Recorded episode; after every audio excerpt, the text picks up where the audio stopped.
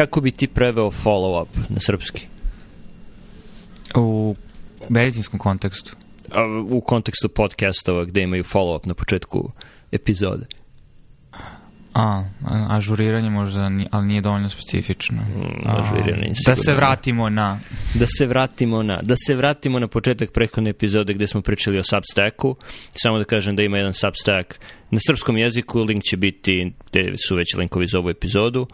Um, od uh, autora bloga Slaviš Tržišno Tasić. rešenje. Da, Slaviš Tasić. Uh, tako da ću staviti link. Ok, to je follow-up za danas. Koja je tema za danas? Uh, tema za danas je ono što se dešava u Teksasu. Da li si pratio šta se dešava u Teksasu? Vrlo površno, samo kroz medije, um, tako da verujem da ti imaš mnogo dublji uvid u suštinske infrastrukturne probleme koje su dovale do trenutne situacije. Nemam nikakav uvid, ali ono što sam čitao i video i čuo je da imaju rekordno niske temperature jer se spustio vaz, hladni vazduh sa Arktika i onako je krenuo baš sredinom kontinentalne Severne Amerike, tako da su se temperature u celom Teksasu spustile na ispod nule i svuda je pao sneg, ili skoro svuda. I temperature su rekordno niske, tako da su imali više problema, onaj banalni, um, kako se rešiti tog snega u gradovima koji nisu navikli da ikada imaju sneg, koji nemaju so za puteve, koji nemaju infrastrukturu za čišćenje infrastrukture od snega.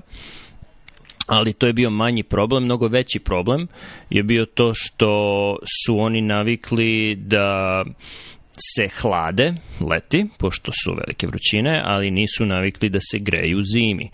Tako da ljudi nisu pod jedan imali čime da se greju, osim prebacivanjem klima uređaja na grejanje. Svi ti klima uređaji e, troše struju, a nažalost infrastruktura, strujna infrastruktura u Teksasu je takva da im je elektromreža potpuno odvojena od ostatka Amerike da ne bi morala da potpada pod uticaj federalne regulative, jer bi prenos energije preko državnih granica, uh, to je federalno regulisao, oni su želi to da izbegnu. Jedna od federalnih regulativa je da onaj ko pruža energetske usluge, ono davanje struje, uh, mora da garantuje da će struje biti. U Teksasu to nije važilo, tako da niko nije garantovao pod jedan da će struje biti i pod dva, ako će biti struje, nema neke maksimalne cene preko koje se ne sme preći. U isto vreme je krenulo da se ledi e, infrastruktura za proizvodnju struje, tako da su se republikanci fokusirali na one vetrenjače koje, koje, generišu, koje generišu struju, koje su, mislim, oko 10% struje. To nije bio toliki problem. 10% struje bi mogli da podnesu, ali ono što jeste bio problem je što su nuklearne elektrane krenule da se zamrzavaju, što su gasovodi krenuli da se zamrzavaju. E, puno elektrana je radilo na gas. E, ono malo mesta koje su se grejale na gas nije moglo da se greju pošto su im se gasovodi zamrzli. I to e, je dovelo što su se do... nuklearne elektrane zamrzle, mislim, ali... Hm? Jer jednostavno nijedno, nijedno tih objekata nije predodređen da funkcioniš u toliko hladnim uslovima ili... Da, da. Nijedan od tih hmm. objekata nije imao grejače da obezbedi da voda koja ide kroz elektranu i u jednom trenutku mora da napusti elektranu i ode negde nije, nije bilo grejača da tu vodu drže toplom, tako da im se to zamrzlo. I onda moraš da ugasiš reaktor. Uh, a i, i nuklearnih elektrana ima malo, znači sve to minimalno, glavno je bilo, glavno su bili problemi sa gasovodom i što nisu imali uh, nisu imali, nisu obezbedili uh, dotok gasa od zime. Što iz Mađarske nisu uzeli ili Haha. Uh, I onda, mislim, dodatan problem je što su onda, zbog nedostatka struje, morali su onda, ljudi su ostajali bez struje po 2, 3, 4 dana, e, su onda i ove rafinerije su počele da se gase jer nisu imali struju, e, ove, e, kako se zove, oil wells. Um, naftne bušotine. Naftne bušotine, hvala. One su morale da se gase, one rade na struju koja nije bilo, tako da je došlo do, do potpunog raspada sistema. Uh, ono što je meni bilo zanimljivo je kada su pričali o tome, ok, zašto se ovo desilo, kako se to desilo, uh, republikanci su se fokusirali na to što je deo struje bio zbog vetrenača i odnosno krenuli da, da pljuju po, po obnovljivim izvorima, izvorima energije i pričali, eto vidite, treba nam još nafte, još... još uh, Takozvano spinovanje? Da, još fosilnih goriva. A mislim, i druga strana, druga strana je rekla, evo vidite šta se dešava kada su tu republikanci, a niko nije pomenuo glavni problem svega toga, a to je da je teksaški sistem energetike bio strukturisan tako da bude maksimalno efikasan za stabilne uslove i da izvuče maksimum uh, energije i maksimum para uz minimum um, troškova na, na održavanje. Tako je pravljen prirodom stvari. I ono što je logična posledica toga da ako maksimalno optimiziraš neki sistem, koji god taj sistem bio, kada promeniš uslove u kome taj sistem radi, uh, sistemi koji nisu previše optimizirani moći će da se prilagode. Ono što se desilo u Teksasu je da nije imao nikakvu rezervu i zato je propao. I zato si sada ljudi u Teksasu nemaju struju, mnogi od njih nemaju vodu jer su im cevi popucale, pa je onda bilo saveta da, da se e, prokuva voda koju koristite, iako mnogi nisu imali ni struju ni vodu, tako da e, tako da situacija nije sjajna, nije sjajna ja mislim zbog prekomerene optimizacije, bar je to mentalni model koji, koji sam koristio za, za tumačenje onoga što se dešava. Da li misliš, mislim, zna, mislim, postavljam ti ono pitanje znajući kako ćeš odgovor da daš, ali mislim da pretpostavljam da je taj mentalni model vrlo sličan onome o kome smo diskutovali početkom pandemije, a ticao se um, načina na koji je zdravstvo organizovano u Americi i bolnice, a, koje su takođe optimizirane da a, funkcionišu što je efikasnije, da kreveti budu popunjeni što je više moguće kako bi se smanjio broj praznih kreveta i potreba za održavanjem itd. itd. Apsolutno. To je, mislim, mentalni model koji počeš od ljudskog tela. Uh, ako neko koristi 80, 90, 95% svojih kapaciteta uh, većinom dana, većinom svog života, to je ogroman problem, jer postoje situacije, jednom dnevno, jednom mesečno, jednom godišnje, kada će biti potrebno više od toga, jer, jer imamo, ljudski organizam ima ogromnu rezervu, uh, puls može da ide u, kod zdrave osobe ono, 50 u toku sna do 180, 200, 250 u toku velike fizičke aktivnosti.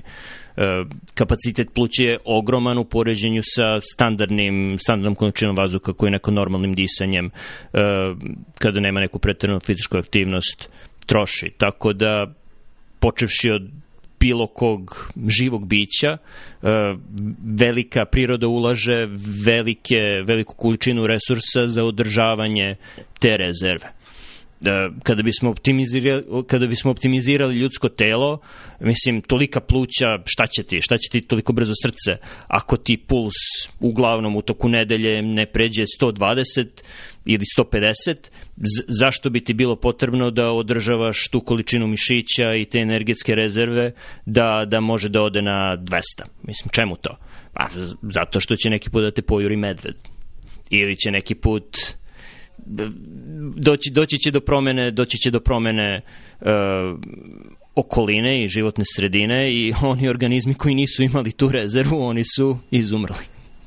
Hoćeš da kažeš da distribucija a, ishoda u prirodi manje liči na normalnu raspodelu, a više na fat tail raspodelu, gde su ekstremne situacije mnogo češće nego što mi to želimo da verujemo i samim tim moraš da imaš određenu redundancu na nivou fizičkih organizama, redundantnost na nivou fizičkih organizama da bi mogu da se prilagodiš da ne, da ne umreš u tim redkim situacijama kada je neophodno da podigneš puls i kapacitet pluća kratkoročno.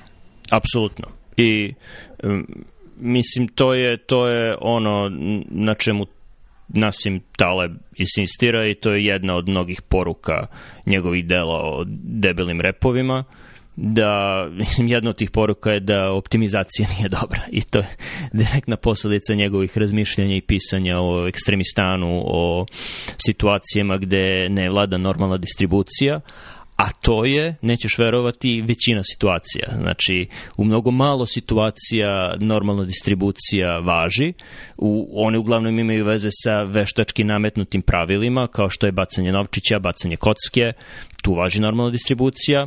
I u nekim, biolo, u nekim stvarima ograničenim biologijom, visina ljudi, težina ljudi, tu, tu vlada normalna distribucija. Tako da u medicini generalno ima više situacija gde vlada normalna distribucija nego u recimo društvenim pojavama. E, dakle, temperatura koja vlada, klimatski uslovi, tu definitivno nema normalne distribucije, jer jedan, jedan uh, hm, prevedi outlier.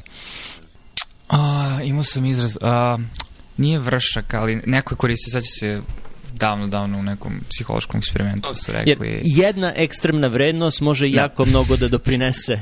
Ekstremna vrednost. Jedna ekstremna vrednost može jako da doprinese uh, prosečnoj vrednosti. Uh, ono što, ono što, o čemu je Taleb govorio je, na primer, ok, imamo 100 ljudi, uh, ako su ne znam, iz Azije prosječna težina će biti oko 60 kg, ako su Amerikanci biće 100-120 kg i onda u tih 100 ljudi dodamo 101. osobu koja je najteža osoba na svetu. Koliko god ona bila teška. Koliko će to promeniti prosečnu težinu te grupe? Ne previše. Jer čak i najteži čovek na svetu, ako se, ako se uproseči sa 100 ljudi ostalih koji su negde oko prosečne težine ili nasumično izabrani iz, neke, iz, neke, iz nekog geografskog područja, e, neće se prosek promeniti previše. Sa druge strane, uzmi 100 nasumično izabranih ljudi na svetu e, i izračunaj njihov, njihovu prosečnu platu, recimo. Ili njihovo prosečno, e, prevedi wealth, neto imovinu, njihovu prosečnu imovinu, vrednost njihove imovine. Kolika bi bila prosečna imovina neke osobe na svetu? Ili prosek od 100 ljudi nasumično izabranih po svetu? 5000 dolara. Mislim da je to previše. Možda par dolara, možda bi bili i u minusu. Znači ne bi bila velika jer pričamo o celom svetu, pričamo i o jugoistočnoj Evropi, o Aziji, Africi. E, bila bi recimo stotinak dolara, ako i toliko. Siguran sam da postoje neke brojke. I tu ubaci prosečnu, i, i tu ubaci neto imovinu Jeffa Bezosa ili Billa Gatesa. Koliko to menja prosek tih sad 100 i jednog čoveka. Da, zato se ne služimo prosječnim vrednostima u biostatistici. Mislim, služimo se medijanom više nego srednjom vrednošću. Ali to je greška, to je ogromna greška. Znam, jer, pogotovo kad imaš ekstremne vrednosti. jer postoji razlog zašto postoji ta ekstremna vrednost generalno u, mislim, u biostatistici ekstremne vrednosti više potpadaju pod normalnu distribuciju, tako da to nije toliki problem, ali u oblasti gde, gde vladaju debeli repovi i u oblasti ekstremitana, ekstremistana e, te ekstremne vrednosti jako mnogo znače. Tako da, da ljudi to zaboravljaju i ljudi teksašani uh, baždare svoj energetski sistem po situaciji koja je standardna, gde nema velikih temperaturnih pomeranja, plus, mislim, računaju, ok, najhlad, najhladnije što je ikada ovde bilo je 0 stepeni, najtoplije je 40, 50, 60, ne znam koliko je tamo po pustinjama i to su naši parametri, nećemo razmišljati o ekstremima, nećemo menjati situaciju, ne, nećemo menjati infrastrukturu na, na osnovu nekih teoretskih razmišljanja. Istu grešku su napravili projektanti nuklearne elektrane u Fukushimi, gde su za, kada su razmišljali o, o jačini zemljotresa i o e, veličini tsunamija, računali su koji je zemljotres bio najjače snage u zabeleženoj istoriji. Ne razmišljajući o tome da zemljotresi takođe pripadaju ekstremistanu, da je dovoljan jedan zemljotres da potpuno stravni sa zemljom sva ostrava na Japanu ili da ih potopi vodom i oni to nisu uzeli u obzir, nego su se računali prema, prema istorijskim, uh, prema zemljotresima koji su zabeleženi u istoriji. tako da, da u, u, dobri projektanti Mm, mislim da, da građevinci verovatno, nisam inženjer, ali inženjeri više razmišljaju o tome, doduše oni Fukushimi nisu, ali ne treba ako neko projektuje novi most, da projektuje tako da će da izdrži težinu e, do sada zabeleženog saobraćaja i težinu do sada zabeleženih vozila. Jer ako nam istorija govori nešto, to je da će količina saobraćaja će rasti, težina koju taj most treba da podnese i, i prome koji treba da podnese će rasti, tako da ima mostova koji traju 100-200 godina, u Evropi naročito, jer su projektanti računali da pravit ćemo tako da izdrži 10 ili 100 puta ovu težinu i izdržali su. Naravno, oni koji nisu se srušili, tako da... Da, mislim, ajde prvo da zauzmem možda ne, da ne budem džavolji advokat, ali da, da razumem suprotno stav na tu temu, to je objasniti građanima određene države da sada trebaju da imaju mnogo veći porez da bi država a, obezbedila rezerve u sistemu za stvari koje se nisu nikad desile i nemaju pojma kada će se desiti. I kakva je bila reakcija a, građana na, na takve a, dekrete, da tako kažem. Uh, naravno da sada su će, da sada ljudi nakon što su doživjeli ovu katastrofu verujem da se njihov stav na temu povećavanja rezervi u energetskom sistemu a, pa ako to bude koštalo i svakoga kroz poreze je opravdano, ali pre ovoga a imajući u vidu pogotovo da smo upravo u pandemiji, da, da, da, da dodatni financijski pritisak na domaćinstva um, je nešto što većina ljudi ne bi želala. Tako da, mislim, hoću kažem, jako je teško, postoje dosta stvari koje a, pritiskaju nasuprot takvim razmišljanjima. Um, i u projektima u kojem, znaš, građani, mislim, naravno, niti ja, ja, ti ja pričamo iz dupe, mislim, pričamo stvarno u kojem nemam pojma. Um, ali kapiram da... To nam građani, stoji tagline u podcastu. Da, da, da. Ali kapiram da građanje jedne nuklearne elektrane i, i planiranje rezervi u okviru toga je mnogo drugačije od planiranja čitave električne mreže za a, državu koja bi po, po GDP-u bila u on, top 20 ili 50 država na svetu. A, hoću kažem, u pitanju su verovatno srazmerno veći infrastrukturni projekti i samim tim srazmerno skuplji i znaš, postoje se pitanje koliko toga i za šta, i za šta bi onda sad trebalo da se, u smislu, ok, desit će se nešto, znači neka promena mora da se desi u Teksasu u nekom trenutku, uh, Uh, nadam se, um, ali za koje onda druge događaje trebaju oni da se spreme. Da li treba da se spreme za zemljotres, da li treba da se spreme za... Mislim, hoću samo da kažem, meni pouka iz ovoga svega je da sam sve manje manje optimističan, a sve više ciničan po pitanju našeg sveokupnog delovanja kao društva i, i, i vrste a, na, na klimatske promene i, i pripremu za buduće ekstremne događaje. Mislim da nisi u pravu, a razlog zbog kojeg mislim da nisi u pravu je da postoji jedna fraza na srpskom koja savršeno e, opisuje ono o čemu pričam, a to je za ne daj Bože. Znači, neke stvari se rade za ne daj Bože. I ako kažeš, ok, ovo ćemo za ne daj Bože, mislim, to je toliko često da, da, da mislim, postalo je fraza tako da, da ljudi intuitivno znaju da se neke stvari ne mogu predvideti i da idealnim, u idealnim situacijama, uh, nekad čak i ne baš idealnim, ako možeš, praviš rezervu. To je jednostavno tako. Uh, Ali koliko ljudi živi tu frazu? U Srbiji ili u Teksasu koji je bogata država? Oni koji mogu žive. To većina ne može.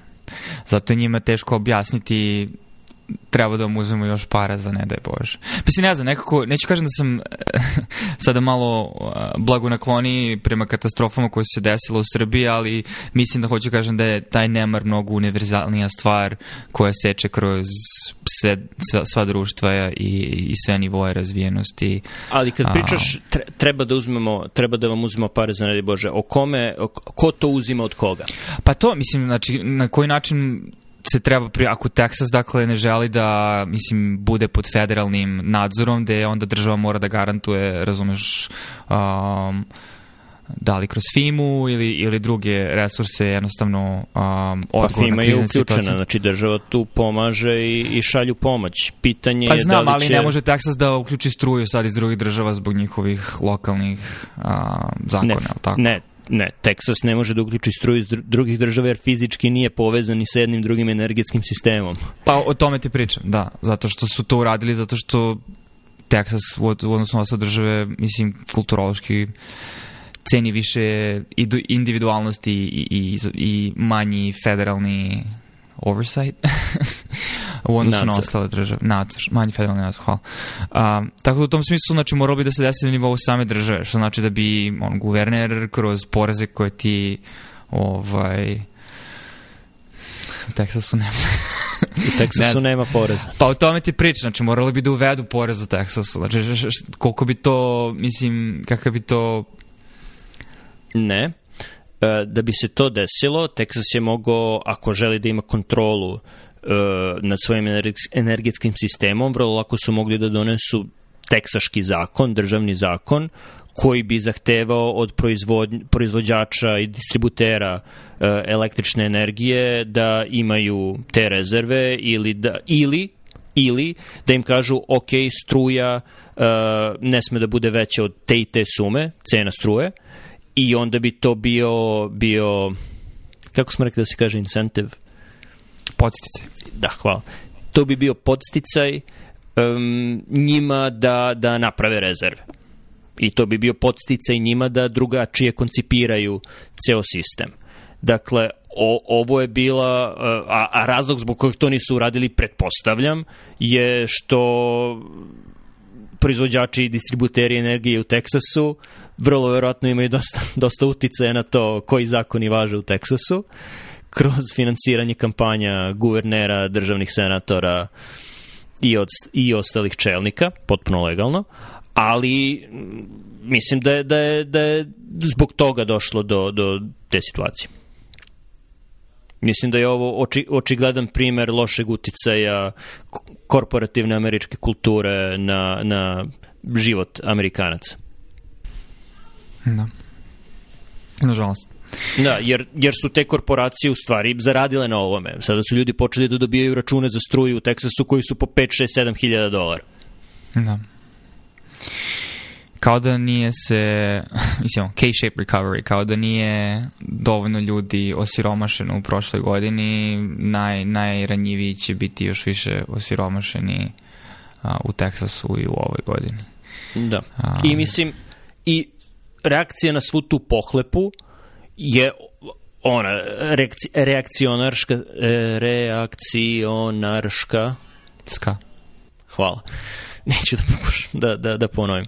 A, strana demokratske stranke koji su sada ne znam, socijalisti, oni su za redistribuciju bogatstva, oni su za razbijanje e, velikih e, IT kompanija, oni su za ovo i za ono, što opet nije, ne podržavam uopšte. E, ali to je potpuno razumna reakcija na, na pohlepu korporacije. Da, mislim, to je ono što... Mislim, u, u, ovde kulturološko uvijek postoji taj ono, strah i veliki uh, pritisak prema vladi i uticaj vlade i vlada uzima pare, vlada uzima porez, ali je zanimljivo koliko, bez obzira na to koliko je federalna vlada uh, jaka u određenim domenima, barem kod ljudi koji dolaze sa naših prostora, neke stvari koje um, na koje smo mi navikli nisu ovde a, na taj način organizovane. Jer isti, mislim, paralela koju ja sad povlačim je, znači, kao što oni nisu lokalnim zakonima zahtevali od kompanija, znači da kažu ovo je maksimalna cena, nego slobodno tržište će da reši cenu i to je to. Mislim, to mi je jako paralelno sa time da Medicare u Americi isto tako ne može da pregovara za cenu lekova sa farmaceutskim kućama, tako da farmaceutska kuća može da stavi koji god hoće cenu novog leka na tržištu i po znacima navoda tržište će da to a, izniveliše, ali to znači da Medicare mora da iskešira koje god pare ta farmaceutska kuća traži, a, jer on FDA je odobren lek i mislim lekari mogu da ga propisuju. Um, tako da, hoću kažem, na neki način federalni uticaj, barem iz perspektive nekoga ko dolazi iz Evrope, u mnogome manji nego što bi čovjek mislio gledajući filmove o negativcima gde FBI i ne znam šta radi i NSA i ne znam šta radi. Ako ništa, baš sam razmišljao, cijela prošla godina, jer ono, stalno se huška o tome kako je, i naravno da je druga administracija bilo u pitanju pitanje kako bi stvari izašle, se desile, razrešile prošle godine i da se COVID desi ove godine. Dobro pitanje ko bi bio izabran da se COVID desi ove godine. Ali, ovaj, postoji znaš, ta, ta, ta neka ideja o tome da, je, da su Sjedinjene države policijska država, kroz godine se lokalna policija sa više naoružava, oni dobivaju sav onaj vojni otpad, po znacima navoda imaju svi oklope, one bojna vozila i šta ti ja znam.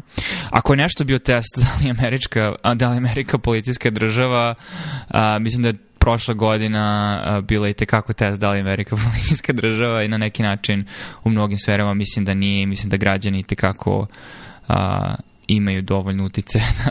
ne može federalna vlada da im naređuje da rade šta hoće po cenu pola miliona života, ali Mislim, to je ono što ljudi cene ovdje. Hmm, složio bih se sa tim, ali se u isto vreme ne bih složio, ali tim svojim neslaganjem bismo ušli u, u drugu temu koja je malo riskantnija za razgovor i za koju tek definitivno nemamo dovoljno informacije da pričamo, a to je da je Amerika policijska država ako si određene boje kože i određene pozadine, a ako si da. neke druge boje kože i druge pozadine, onda nije uopšte policijska država.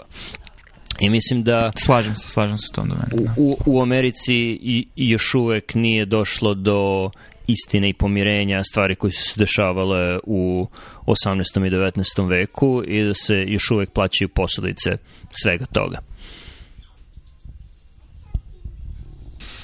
Kupujte Bitcoin. Ne, ne, ne, ne. U, to je još jedna tema. Ne. Ne, i seci, i seci, te posljednja sam se šalio. ok.